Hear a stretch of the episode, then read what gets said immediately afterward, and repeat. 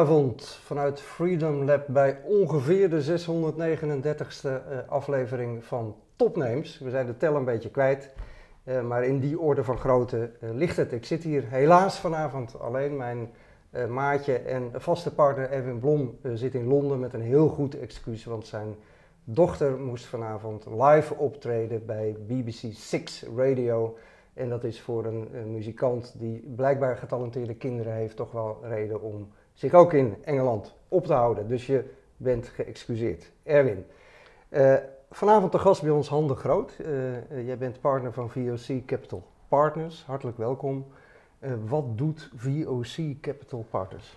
Nou, VOC Capital Partners, het is eigenlijk een beetje in het Nederlands van de Nederlandse en ja. Engelse ja. taal, maar wij investeren in early stage bedrijven. Dus bedrijven die echt in het begin van hun, hun ondernemingsgroei staan. En dan idealiter hebben ze omzet en hebben ze ook al wat omzet, namelijk groeiend naar of in de buurt van 50.000 euro per maand.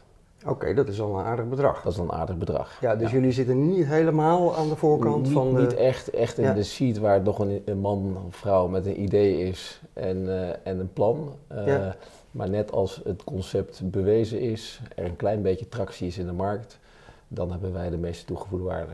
Ja, en kies je dan nog uh, uh, voor bepaalde thema's of bepaalde deelgebieden binnen de... Het gaat wel over technologie, hè? Ja. Het zijn technologie-startups. Ja. Uh, focus je daar nog in of is het eigenlijk heel breed? Nou, eigenlijk heel breed. Want als je namelijk te veel focust, hè, dan, dan is ons kleine landje heel erg klein en dan blijft er weer heel weinig over.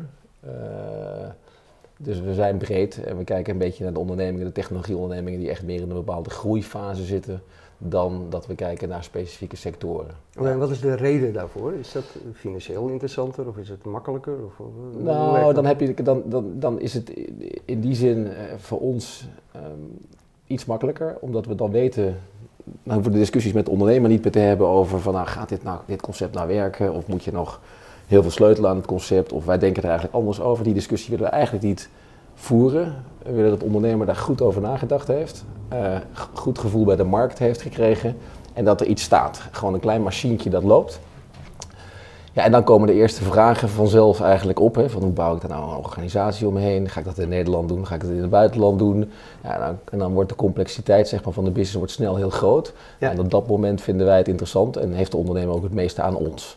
En ja, de eerste fase iets minder. Ja, want je, je, je zegt het wordt dan complexer. Daarvoor zit natuurlijk die hele fase waar die start-up accelerators in zitten. Hè? Van het, het ontwikkelen van een idee, en is het valide, en et, et cetera, et cetera. Jullie wachten eigenlijk tot, tot ze daar doorheen zijn. Ja. Eh, het, het eigenlijk min of meer bewezen is dat het idee wel klopt. En dan breekt er gewoon een hele lastige periode aan. En dan, breekt, dan moet echt, hè, in de eerste fase een beetje ben je eigenlijk min of meer de uitvinder. Hè? En, en, en, en dan word je eigenlijk een beetje de verkoper. Hè? Want dan moet je met het idee de boer op. Hè? Dan Ja. moet je omzet maken. Dan moet je een financiële administratie gaan voeren. En op enig moment volgt daar dan weer op dat je een soort van manager moet worden. hè. Dus die, die, Ja. die, die stap van, van uitvinder naar, naar verkoper. Zo rondom die verkopersfase, zeg maar, waar die ondernemer verkoper is geworden. Dat vinden wij eh, interessant. Ja, hey, wat voor problemen komt zo'n start-up dan tegen in die fase? Kun je daar eens wat meer over vertellen? Ja, je kunt het bijna een beetje omdraaien. Welke problemen komt eh, de start-up daar, eh, tegen. komen ze niet tegen. Ja. Ehm, nou, ik denk wel, als ik naar mezelf kijk, ik ben 17 jaar geleden ook, eh, ook gestart met een start-up. Kijk, dan kom je natuurlijk eigenlijk let- letterlijk alles tegen. Hè. Je komt iets, vooral jezelf tegen, hè, rondom je eigen persoon. Hè. Want wat ik net zei, je begint eigenlijk een beetje als uitvinder en je wordt dan geacht op enig moment verkoper te worden. Nou, dat is voor veel mensen die uitvinder zijn in hart en nieren al best lastig. En dan ben je eh, goed en wel eh, eh, verkoper geworden. En dan moet je weer manager worden, want dan heb je de eerste mensen aangenomen die iets voor je doen. Ja. Ehm, dus alleen al als je het bij de ondernemer zelf houdt, dan is wat hij moet doormaken en wat hij moet leren al gigantisch.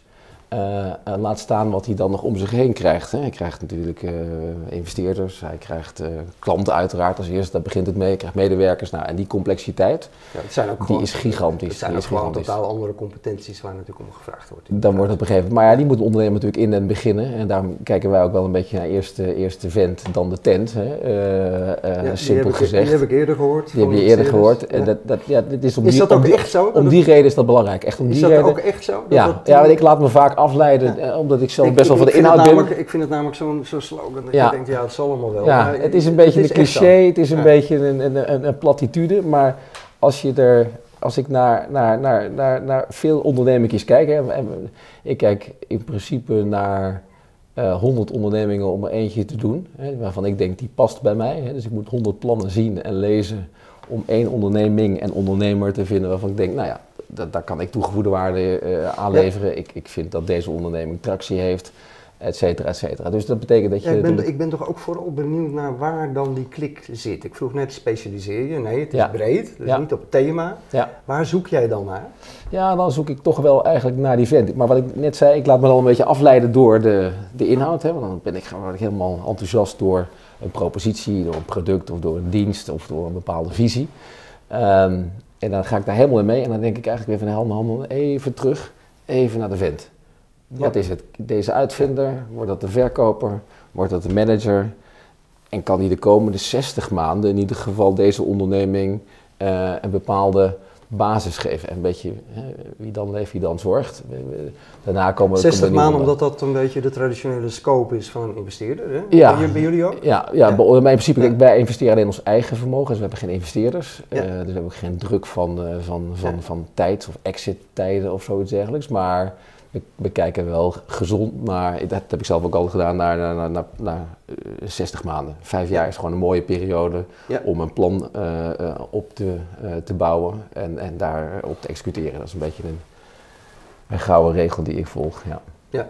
Eh, je, je zei het net zelf al, je bent zelf eh, 17 jaar geleden was jij ook een start-up ondernemer. Toen begon je Ja. een, een, had je een idee. Je begon Ja. de Matrix Lab. Ja. En voor wie de quote niet leest, moet je misschien ook even de, jouw korte, eh, of de korte versie van, van de afgelopen 17 jaar eh, doen. Dat was een bedrijfje, nou, toen, toen nog een bedrijfje gericht Ja. op online marktonderzoek. Ja. Eh, zeg ik het goed? Ja, ja, ja. Hoe ging dat? Wat was je idee? En hoe ontwikkelde zich dat in de, in de beginfase?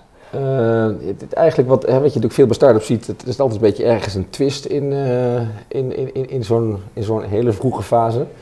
Eh, ik ben ooit begonnen met een eind jaren 90 met een, een browser plugin. Dus een stukje software wat je Ja. in je browser installeert. Ja. En daarmee mocht ik met toestemming van degene die dat installeerde in die browser. Dat ging toen achter een modempje en dat piepte en dat... Ja, Dat welke browser was dat in die tijd? Ja. Dat was... eh, Explorer ja, dat was Explorer al. Ja. Dat was Explorer. Ja, Ja. En, eh, of dat werd net Explorer. Dat werd toen een beetje gemeengoed. Dat was een beetje de browser waar wij op optimaliseerden. Ehm, en met dat kleine stukje software eh, eh, mocht ik met permissie al het internetgedrag eh, van die consument via de browser en dat internetkabeltje en dat kleine modempje weer terug bij mij de server opvangen. En, en die data analyseerde ik en daarmee kon ik aan grote webshops of andere eh, internetaanbieders iets, iets vertellen over wat die consument dan allemaal deed buiten zijn gezichtsveld. Hè? Want het was, website- website-statistieken bestonden al een beetje, maar wat doet hij nou daarvoor en daarna? Dat was onduidelijk. Nou, die data die, die leverde ik. Ehm 1, 2 jaar gedaan, een miljoen eh, omzet eh, eh, we hebben mee ge- gedraaid. Maar toen bleek dat product wel heel erg zwaar en heel erg complex. We hadden natuurlijk heel veel data via die browser. Ja. Moesten we heel veel analyse op doen. En dan kwamen er eigenlijk relatief eenvoudige eh, eh, informatie kwam eruit. Wel heel belangrijk, maar die was Ja, dat was blijkbaar wel waardevol, want eh, je had gelijk grote Ja. klanten en, en, en flinke omzet. Ja, Klopt, Eh, daar betalen klanten ook eh, we hebben veel geld voor, voor die informatie. Maar eh, we kwamen ook tot de conclusie, en dat werd eigenlijk ook een beetje gedreven door de, eh, de crisis die wat, eh, wat opkwam eh, in die periode natuurlijk. Begin eh, Ja. 2000. En De alle budgetten gingen terug, de bubbel. Een aantal van onze echte internetklanten die, eh, die vielen om. En eh, toen wilden we ook ons product ook wat beter eh, gaan prijzen. En toen kwamen we eigenlijk tot de conclusie, als we nou die 100.000 mensen, die hadden we destijds, 100.000 mensen van wie we dat gedrag mogen monitoren op internet, als we die nou eens gewoon vragen stellen. Hè? We kunnen ze Ja. een e-mailtje sturen, we kunnen daarin een HTML-paginaatje maken en vragen. Hè? Want online enquête was er eigenlijk toen nog niet echt. En toen zijn we die mensen gaan e-mailen en vragen laten beantwoorden. Toen is eigenlijk de- bij ons de online enquête ontstaan en het internet consumentenpanel ontstaan. Ja, daar zijn we echt op gaan bouwen en daar hebben we echt volume op gemaakt. Hè. Dus daar zijn we zijn in de wereld internetpanels gaan bouwen en we zijn met die online enquêtes eh, hebben we heel veel mensen eh, eh, vragen gesteld de afgelopen eh, 17 jaar. Maar dus we zijn eerst begonnen met, met, met, met echt hardcore eigenlijk relatief te zware software, zijn we echt naar een vanuit de markt, door de markt gedreven naar een zeg maar, wat eenvoudige oplossing. En dat was gewoon een online enquête. Ja, daar was je En een van de eerste mee Ja. en, en daarom kon je je onderscheiden. Ja, En ja. ik vind het wel grappig, want je zei net, nu, nu zit je inmiddels in de rol als investeerder. We maken zo dat verhaal nog wel even af. Maar, en, en je zei net van, kijk, we, we hebben een horizon van, van een jaar of vijf, hè, waar we investeringen op beoordelen. En eh, zelf heb je er 17 jaar eh, aan jouw bedrijf gewerkt. Want Ja, eh, 17 volgens mij heb, je ja. In de, in ergens vorig jaar pas definitief afscheid genomen als lid Ja. van de Raad van Bestuur. Daarvoor Ja, is het al eh, gefuseerd met grotere bedrijven, moet je zo nog maar even precies vertellen. ja. Net zei je, als investeerder kijken naar een horizon van vijf jaar, is dat eigenlijk niet veel te kort om een e- bedrijf goed op te Eigenlijk bouwen? wel, dat ben ik helemaal met je eens. Eigenlijk is het te kort. Want het Ik is kijk ook- iets wat mij namelijk zo ongelooflijk irriteert aan die hele eh, start-up en investeerderswereld. Dat Ja. moet allemaal binnen vijf jaar, moeten mensen Ja. daar allemaal heel veel geld aan willen verdienen. Ja, Eh. Waarom eigenlijk? Waar- waarom mij- waarom mij- hanteren mij- we geen normale termijnen? klopt. Nee, ik vind ook, ik bedoel, 7, 9 jaar en 10 jaar, dat vind ik al wel weer een stuk beter dan die 5 jaar. Het is wel zo, als, wij, als ik zeg 5 jaar mm, hè, met onze investeringen, dan vind ik dat mensen, ik vind dat je een horizon kunt hebben van 5 jaar om iets te plannen. Maar, als, ben ik helemaal met je eens, als start-ups, ook een beetje scale-ups, rondom die 5 jaar allerlei magische events eh, gaan verwachten. Ik heb een investeerder, ik heb een exit, ik ga geld verdienen en ik ga weer mijn volgende avontuur beginnen. Nou, als, als, als mensen dat allemaal verpakken in, eh, in 60 maanden, dan, eh, dan is het in principe snel einde van het gesprek. Ik, ik, ik ga ervan uit dat mensen misschien niet zoveel tijd nodig hebben als ik ervoor nodig heb gehad, 17 jaar. Maar ik denk wel dat je 7 tot 10 jaar nodig hebt om een onderneming echt van helemaal niets tot iets met waarde te bouwen. Waar de waarde ook nog eens een keer overdraagbaar is aan een derde, En die dan, dus dan ook- iets mee kan doen. Precies, en je, je dus ook kunt verkopen. Je kunt Dat het verkopen. niet aan je persoon meer hangt, dat Precies. het een, een echte business is. Dat het een echte motor is die Ja. zelfstandig draait, los van jou. En die iemand anders ook weer kan operaten. En waar iemand anders weer geld mee Ja, dat is ook nog een dingetje. Het Ja. hangt vaak op één of twee personen. Precies. Ja. Laten we even verder gaan met, met waar, waar we gebleven waren met, met eh, de eh, Matrix Lab. Wat, Ja. wat, wat zijn de markante momenten geweest in die 17 jaar dat je echt een, een, een schaal hoger eh, kwam? Of dat je, was het het internationaliseren, want dat zijn jullie op een gegeven moment gaan doen? Ja. Eh, of zijn het eh, samenwerkingen geweest? Hoe, hoe heeft dat gewerkt?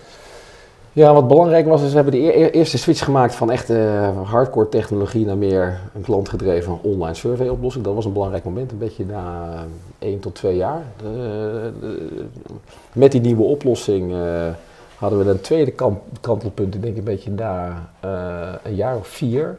En dat was de vraag, ehm, gaan we nu met een smalle oplossing, met een klein productje internationaal, of gaan we in Nederland nog meer omzet bouwen? Ja. Ehm, nou, toen was Veel het- voorkomend dilemma, denk ik. veel voorkomend dilemma, nog steeds. Eh, toen was het natuurlijk wel, het, het marktgericht was echt bijzonder, want eh, het was veel ellende. En internetbedrijven waren omgevallen, budgetten waren relatief beperkt. Eh, dus je moest dit soort keuzes extra zorgvuldig maken. En zeker als je een investeerder aan boord had. Ik had destijds ehm eh, NIBC, NIBC Capital Private Equity, gewoon een investeerder aan boord. Ja. Eh, die had een portfolio volgens mij van 60 bedrijven, waar er toen 50 van eh, eh, eh, net overleden waren allemaal. Dus er waren er nog 10 over. Dus dat zette natuurlijk ook een bepaalde Zet er wat druk op. eh, Ja. wat, wat druk op de ketel. Maar goed, we hadden het overleefd, dus het ging eigenlijk met onze business wel goed. Ehm, maar ja, dan is dan zo'n keuze van ga ik internationaal met een smalle basis, met een smal product, met weinig omzet. Of ehm, ehm, eh, ga ik gewoon wat meer melken uit mijn bestaande markt, bestaande klanten. En toen hebben we ervoor gekozen, heb ik ervoor gekozen. Ik wilde eigenlijk, het, we hadden nog een groot gedeelte van onze investeringen op de bankrekening staan, dat hadden eigenlijk ongebruikt. Ja. En ik, ik vond het gezond om eh, dat zo te laten, eh, dat geld op die rekening te hebben. Ehm, ons te richten op het verdienen van geld. Dus naast de omzet maken, omzet groeien, ook resultaat te gaan, eh, eh, te gaan behalen. Dus niet meer aan, dat, aan het kapitaal te hoeven zitten. En met andere woorden betekent dat eigenlijk met onze, besta met onze bestaande klanten meer geld verdienen. Dus Ja. hoe haal ik meer omzet uit de bestaande klantrelatie die eigenlijk heel duur is om te bouwen? Ja. In essentie is dat natuurlijk, of je daar online of offline sales eh, eh, doet, die bestaande klantrelatie handhaven eh, en daar zoveel mogelijk uithalen is belangrijk. Dat hebben we dus gedaan. Dus we zijn, hebben dat internationaliseren even uitgesteld. Meer omzet gebouwd in, Nederland, een, een, een winstgevende basis neergezet. En toen zijn we gaan internationaliseren. Eh, dat was gewoon een kwestie van executie. Kwamen Maar goed, dat, dat, eh, dat is ook eh, de, de- misschien leuk om daar dat thema dan ook even bij de kop te Ja. pakken. Want dan noem je iets, je, je genereert dan namelijk eigenlijk gewoon je eigen groeigeld. Dat is wat je doet. Hè? Ja, ja, Ehm, ja. ehm, vaak zien we toch, ook vind ik in, de, in het huidige tijdsgewricht, dat daar niet altijd het accent op ligt, Nee. op verdienen. Nee, Het, het nee, lijkt toch vaak nog wel een beetje het verhaal te zijn van ja, weet je, dat komt later wel. Ga nou eerst Ja. maar zorgen dat je bereik hebt en dat mensen Ja. je product leuk vinden. Die businessmodellen, joh, dat komt wel. Ja. Eh, als ik jou zo hoor, dan zit jij daar wat anders in. Ja, nee, ik- dat klopt. Dat, eh, ik, ik vind eigenlijk, en ook nog steeds vandaag de dag, maar je mag het eigenlijk niet meer hardop zeggen, want heel veel start-ups Ja. lopen dan hard, lo- lopen Nee, hard weg. hè. Die lopen dan hard weg. Hè. Als ik zeg van ja, maar jongens, kijk, we zitten. Ik, ik vind Californië, ik heb een tijdje gewoond en gewerkt en ook een bedrijf gekocht, maar dat is een beetje een uitzondering op de regel. Maar heel veel andere landen in de wereld, en, en Nederland eh, inclusief, is dat daar moeten we gewoon op enig moment geld verdienen. Moeten we voor investeerders, moeten we voor eh, het behoud van ons eigen eh, bedrijf. Want wij, wij hebben geen investeerders hier typisch die met grote zakken geld elke keer gaten kunnen vullen- en die bereid zijn hele Heel ver te grote bets te maken. Ja. Ja. dat heb je in Californië wel. Dan heb je de wereld als bereik. En daar kunnen partijen, eh, eh, eh, dat soort bedrijven aan blijven, aan de praat blijven houden met heel veel geld. Nou, dat kunnen wij niet. Nou, dat betekent dat je bij ons, vind ik, vrij snel moet weten hoe je een normaal huishoudboekje runt. En Ja. Dan heb je omzet, en dan heb je kosten en dan hou je iets over. En ik vind het niet erg als een bedrijf je tijdelijk even in de min gaat en dat heel bewust doet. Ehm, maar ik vind het ook heel belangrijk dat ze, dat ze weer terug kunnen komen naar dat break-even punt. En dat ze weten hoe ze geld moeten verdienen. Ja. En, als En dat ook relatief is- snel. En relatief snel. Relatief Ja. snel. Maar eh, zolang het maar allemaal, zolang de mannen maar weten wat ze doen. Hè? Want je, wat, je, wat je heel vaak veel ziet, hè? als er heel veel geld verbrand wordt, dan gaat dat geld naar alles toe. Hè? Nou, er worden daar klanten mee geacquireerd. Hè? Dan gaat een online marketingcampagnes waar eh, tegen een bepaalde prijs een klant binnen wordt gehaald. Daar worden extra mensen op online marketing bijvoorbeeld aangenomen. Daar volgen meer mensen in de operatie, meer mensen in finance. Eh, er zit een HR-manager eh, op op een gegeven moment. kantoor, betere grote locatie, kantoor, eh, dat uitstraling. moet er allemaal fancy uitzitten, voor, zien voor Ja. de cultuur en voor de vibe. En dan krijg je gewoon klassiek gewoon wat, wat vet op zo'n onderneming. Nou, dat weten we allemaal. Dat is fysiek ook eh, lastig. Als je helemaal wat vet erop hebt zitten, is het best lastig om dat er weer af te krijgen. En erop, dat is niet heel moeilijk, maar eraf krijgen is lastig. En dat is bij een onderneming precies zo. Als er eenmaal die, die, die luxe eraan zit, dan is echt weer, eh, weer, eh, weer, eh, weer topsport gaan bedrijven en weer helemaal Ja. fit zijn. Dat is wel wat lastiger. Oké, dus als investeerder is dat voor jou belangrijk. Ja. Dan even terug naar je, de ontwikkeling van de Matrix Lab, jouw eigen bedrijf. Je zegt, wij, hebben eigenlijk, wij wilden eerst meer geld verdienen met onze bestaande klanten. We Ja. wilden rendabel zijn, onze eigen Ja. groei financieren. Dat hebben jullie gedaan en toen zijn jullie pas naar het buitenland gegaan. Ja. Hoe heb je dat aangepakt? Want dat is ook zo'n moment, hè? Van, hoe ja, doe je nee, dat? dat, is zeker, Ja. dat was zeker een belangrijk moment. Hè. Gegeven moment- het was ook natuurlijk in die tijd weer. Hè, was, eh, eh, eh, daar- had je zo'n Business eh, 2.0, en Business 2.0 eh, belangrijk tijdschrift. En dat, daar stonden alle grote internetondernemingen in. En dan was het Go Global of Go Nowhere, zoiets. Hè. We stonden altijd op die... Dat was het die, paradigma, ja. dat stond een beetje daar groot voor op die dingen. Dus die, de global, dat, dat, dat hoorde er gewoon bij. Dat zat er dus bij ons ook wel echt in. Eh, maar wel, wel dus vanuit die winstgevende basis. Ja, en dan, hè, dan heb je natuurlijk bij, bij het internationaliseren heb je die belangrijke keuzes. Doe ik dat nou helemaal zelf? Doe ik dat met een partner? Eh, als ik het zelf doe, doe ik het dan met één man die iets opbouwt en ga ik dan de tweede, derde, et cetera? Of ga ik er meteen een teampje neerzetten en neem ik echt zwaar de kosten die voor de baat uitgaan Ja. internationaal? Ja. Nou, als ik dat één land doe waar ik stevig op investeer, dan kun je dat niet in twee, drie andere landen tegelijkertijd doen. Dus dan gaan, Ja, dan dus gaan in één keer heel veel focus vragen. houden en dan moet je veel, kiezen. precies, dan moet je keuze Ja. gaan maken. Ehm, wa- wa- wat, ik gedaan heb, is eigenlijk altijd het meest eenvoudige en, eh, en, en brave model. Is gewoon één man aannemen in een land. Ehm, die werd zeg maar een beetje de, de, de managing director van het land in zijn eentje. Hè. Dus er was Ja. weinig, weinig te directeren, maar dat is toch wel belangrijk voor Maar goed, het begon, het begon natuurlijk met aanwezigheid, sales, Ja, eh, en dan begon met te vinden. precies. En dan met die ene vent, hè, dan, dan zorgen dat je daar de, de omzet haalt die je weet dat je uit, eh, uit met zo'n man en vrouw kunt realiseren in dat land. En dan nummer 2, 3, 4 en 5 Ja. erbij. Ehm, het lukt niet altijd. Hè. Sommige markten waar de concurrentie eh, heel groot is en waar je echt wat presence moet hebben, waar je eerst ook mensen uit de operatie moet hebben, marketeers erbij moet hebben en een teampje van 4, 5 man moet vormen voordat je bijvoorbeeld Duitsland of Frankrijk in kunt gaan. Ja, dan wordt het iets lastiger, want dan heb je te maken met een stevige investering. Bij Ja. mij waren de investeringen goed te overzien. Ik wist precies wat ik in een land aan omzet kon bouwen met één persoon. Ja. En zo kon ik dat eh, eh, eh, schalen. Maar daar maak je... Ja, oké, dan krijg je een langzame uitbreiding. Ja. Toch is het op een gegeven moment bij jou ook veel sneller gegaan. Ja. je bent op een gegeven moment bedrijven gaan acquireren. Ja. Dat lijkt me best een stap. Ja, dat en- was ook een beetje, dat was ook best een uitdagende stap. Want dat is natuurlijk de tweede strategie. Hè? Als Ja. je niet die langzame groei zelf gefinancierd, in, in- Ja. zoals in jullie geval aan het begin, ja, dan moet je echt gaan acquireren. Ja, wat, wat, wat was toen de overweging om dat te doen? Ehm nou, daar hadden we hier zo'n mooie film staan, staan liggen. Dit was Ja. niet de eerste acquisitie die je hebt gedaan, maar wel een hele belang- Ja. belangrijke. Hè? Jullie Ja. hebben op een gegeven moment Market Tools gekocht, een bedrijf in Amerika. Ja. Die deed hetzelfde als wat jullie deden. precies hetzelfde. Ja. Eh, ook eind jaren 90 eh, gestart. Dit zijn van die En, dingen eh, die geef je dan aan elkaar. Hè? Die geef je aan elkaar, Dat weet niet iedereen, maar als je een bedrijf koopt, dan Ja, eh, maakt de koper en de verkoper, die maken er een en die, ja. die geef je aan ja, elkaar. ja, en eigenlijk de adviseurs, Maar vertel eens, de adviseurs die daar de grote rekening eh, sturen. En, het nou legal advisors zijn, bankadviseurs die, die, die, M&A-specialisten. die dan eigenlijk dit ding geven en tegelijkertijd de rekening erbij. Hè? Dat, dat is, zo werkt dat een beetje. Die, eh, daar krijg je dit soort eh, mooie gedenkstenen Ja, van. dat zijn de heren van Rothschild en eh, Ja, bij, Corp de, bij Rothschild was bij ons de adviseur onze kant hielp. met De verkoper werd geholpen door een Amerikaanse adviseur. Oh ja, de Silva. De Silva Philips. Philips. Ja. Ja. Maar hè, wat, wat, ik op een gegeven moment ben gaan doen, omdat je die.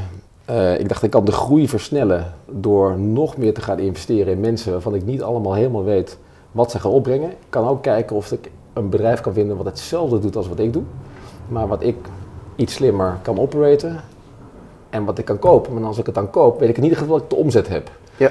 Dus dat was zeg maar, is ook een beetje, voor mij was het een vorm van eh, internationaliseren. Ja. Eh, eh, hoe kan ik snel en, en met een... Markten, een- een- klanten toevoegen. Precies, en met een risico waar ik zelf comfortabel bij, Ja. me bij voelde. Nou, en dat heb ik gedaan met een aantal eh, overnames, zes, zes in, eh, in totaal. En ehm, ja, die hebben ervoor gezorgd dat we ehm, volume kregen in de markt. Hè. Bijvoorbeeld in de VS zijn we gestart. Daar hadden we op enig moment 4 miljoen eh, dollar omzet. Wel gedreven door één grote klant zat daarachter, Microsoft. Dus dan wist je altijd van ja, met één grote klant dat kan een keer helemaal zo. En dan is iedereen Hosanna, maar dat kan ook een keer zo. Ja. Hè? Dus dat, dat is het verhaal bij één klant. Eh, maar vanuit die basis, dat succes gekeken, nou kunnen we nou niet naar een bedrijf kijken wat precies hetzelfde doet. Wat zeg maar respecteert dat we die ene klant hebben gewonnen, waar we een mooi Amerikaans verhaal van, eh, van kunnen maken. En daarmee naar binnen en dan kijken of we iets kunnen kopen. Ja. Nou, en zo hebben we dat gedaan. Toen had ik al een paar gedaan, dus we wisten een beetje hoe het werkte. Eh, en toen hebben we Market Tools gekocht. En daarmee kochten we eh, nou, 40, miljoen- iets meer dan 40 miljoen dollar Omzet. omzet bij. Ja. Ja, en dan is het natuurlijk zaak, kun je die deals zo creatief mogelijk doen, dat ze je niet al te veel cash kosten. Ja. Eh, dat je En dan laat je heel goed adviseren en zorg dat je de juiste mensen hebt. Die je daarbij- ja, maar dan moet je toch wel je eigen als ondernemer ook weer je, je, bent, je wordt uitvinder, je Ja. wordt uithandelaar, je wordt manager. En als je dan zoiets weer wil doen, dan moet je een beetje een, eh, een soort van overnamespecialist zijn. Want als je adviseurs, die willen natuurlijk transacties doen. Die zijn natuurlijk niet primair zo eh, gebaat bij of jij nou... Precies. eh, v- Wat je eigenlijk zegt, en ik neem aan dat je Ja. dat nu ook in je huidige rol als investeerder, want je, je, met, met het geld wat je uiteindelijk hebt verdiend met je bedrijf, eh, eh, door het uiteindelijk weer te verkopen of te Ja. fuseren, hoe je het ook wilt noemen, maar je- eh, ben jij jouw fonds eh, begonnen en de ervaringen die jij die, af, die afgelopen 17 jaar hebt opgedaan, die gebruik je natuurlijk nu in, in, in wat je doet. ja. Eh, maar eigenlijk zeg jij, je moet eigenlijk van alle markten thuis zijn. ja, als jij, ja, als jij een start-up is- begint, Ja, je noemt die rollen, weet Ja. je wel, dat begint met uitvinden, manager. eh, Ja. eh. Maar eigenlijk zeg je van zelfs een, een, een overname moet je ook eigenlijk absoluut. zelf doen. Ja. En die adviseurs, weet je, gebruik ze waar ze voor nodig zijn. Ja. Maar je moet zelf de vinger aan de pols houden. Ja, ja, je moet Altijd. Precies, precies, ja. En ik vind ook dat je bij die overnames, dat is weer een apart. En zo vind ik ook, maar dat komen we misschien nog over te spreken, maar het verkopen van onderneming is ook echt een aparte tak van sport. Dat moet je ook leren als ondernemer. Een ondernemer die tegen mij zegt van, god eh, Han, ik ben nou bijna in die exit en ze hebben interesse. En ik had prachtig, eh, eh, hartstikke goed. Ja. Maar dan denk ik altijd weer, doe het eerst maar twee keer. Waarschijnlijk mislukt het twee keer. En de derde keer eh, dat ik dat verhaal nog een keer van dezelfde vent hoor, dan denk ik, nu gaat die lukken. Daar heb je een paar keer voor nodig. Ja. De meeste ondernemers met een succesvol exit, die hebben ook vaak, als je het eerlijke verhaal hoort, een aantal keer daarvoor minder succes gehad. Ja, en wat is daar de crux in? De, de tijd vliegt hier altijd aan tafel, hè? dus we hebben nog wel vijf of tien minuten. Dat gaat altijd heel snel. Ja. En wat, wat is de- dan de crux van het kunnen verkopen van je bedrijf? Nou, ik, ik, ik denk Uit dat... jouw ervaring, hè? want eh, Ja. dan, eh, nogmaals, tien, Ja. andere, tien andere lessen misschien. Maar, Ja, Wat nou, wat jouw ik zei, je moet er gewoon een paar keer doorheen en dan lukt het net niet. Hè? Ja.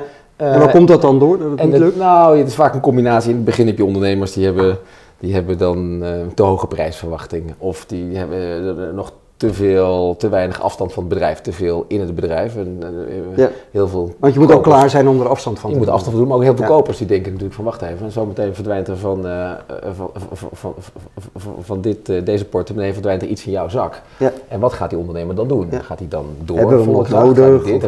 Dus daar gaan, daar gaan allerlei scenario's losgelaten worden als die ondernemer nog te belangrijk is. En wat veel ondernemers natuurlijk altijd prettig vinden, ook in een verkoopproces, een hele bekende val, dan gaat een ondernemer natuurlijk, eh, jongens, jullie zijn mijn bedrijf, eh, ik vind het zoveel waard en eh, dit zijn mijn mensen en eh, Ja. wij gaan met elkaar eens even het gesprek aan over deze verkoop. Terwijl dat voor de koper gelijk een risico is. voor de koop denk ik, god, ik zie liever... Voor de koper kun je waarschijnlijk beter zeggen, joh, dit is mijn bedrijf, ik kom er eigenlijk nooit meer, maar het loopt fantastisch. Maar het loopt fantastisch. En dit zijn mijn managers. Ik vind het leuk jullie nu te zien. En, En, maar ik hoor het ik- wel als het rond is. Precies. En, En, ja. ik stel je nu voor aan, mijn, aan mijn directeur, mijn financiële man, mijn operationeel directeur. En die hebben een prachtige presentatie, want zij leiden dit bedrijf iedere dag. Precies. Ja. Eigenlijk is dat de beste pitch. Eh, maar voor veel ondernemers gewoon ook wel lastig. Ja. Eh, ja, en het zit want, niet in het eh, gemiddelde ego van een zit niet in het gemiddelde ego van een, eh, van een DGA. Nee, klopt. Ja. Hey, eh, dan even het, helemaal terug naar het heden. Eh, Ja. je, je runt nu je eigen investeringsfonds. Heel vaak is Ja. er kritiek op Nederlandse ondernemers dat ze met hun geld ergens op een strand op de Bahama's gaan liggen en vooral veel huizen in zonnige eh, andere landen eh, kopen. Ja. Eh, en niet het geld weer terugstoppen in het ecosysteem, zoals dat er Ja. heet, voor wat het waard is. Jij kiest ervoor om dat wel te doen. Waarom? Ja, ja, nou ik vind echt, ik heb, ik heb een tijdje in Amerika gewoond hè, om eh, dit bedrijf eh, Market Tools eh, te runnen en te integreren. Ik heb ook nog een tijdje in, in Azië kort gewoond. hè. Dus mijn bedrijf is gefuseerd met een Japans bedrijf. En Ja. dat is twee weken geleden naar de beurs Ja. gegaan in, in Tokio. Dus Je bent er inmiddels helemaal uit, hè? ik ben er inmiddels wel uit en Ja. het grootste deel van mijn belang heb ik ook op de beurs verkocht recent. Maar dan ga je natuurlijk ons kleine prachtige eh, landje natuurlijk eh, eh, veel meer wa- waarderen dan ik ooit heb gedaan. Hè? Dus ik vind ook echt hier Ja. ook nu weer met die, met die prachtige start-up cultuur die er is, ja dat is ongelooflijk. Daar, daar zetten we onszelf mee op de wereldkaart. Hè? Amsterdam wordt nu ook, mijn vak natuurlijk een beetje data vak. Hè, is nu een data science center wordt er in Amsterdam opgericht. De Universiteit van Amsterdam heeft daar een belangrijke rol in. We hebben natuurlijk Delft, we hebben Eindhoven. Ja. We hebben natuurlijk een prachtig klein landje waar we ontzettend veel kennis hebben. En als we daar ook gewoon in dat ecosysteem eh, de juiste investeerdersmentaliteit hebben. En ook een aantal mannen of vrouwen die bets durven maken. Die echt durven zeggen met elkaar, nou we gaan echt op deze onderneming inzetten. Eh, dan, ja, dan eh, geloof ik wel dat wij hele grote successen kunnen boeken.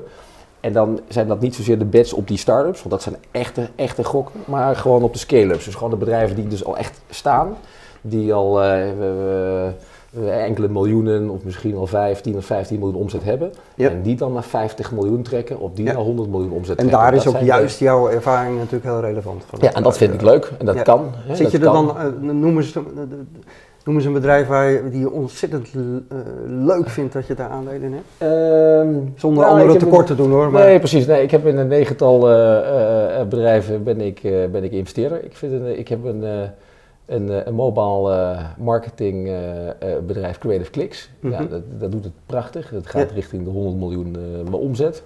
Ja, die mannen die weten gewoon wat ze doen en die bouwen dat met 50 man vanuit Amsterdam.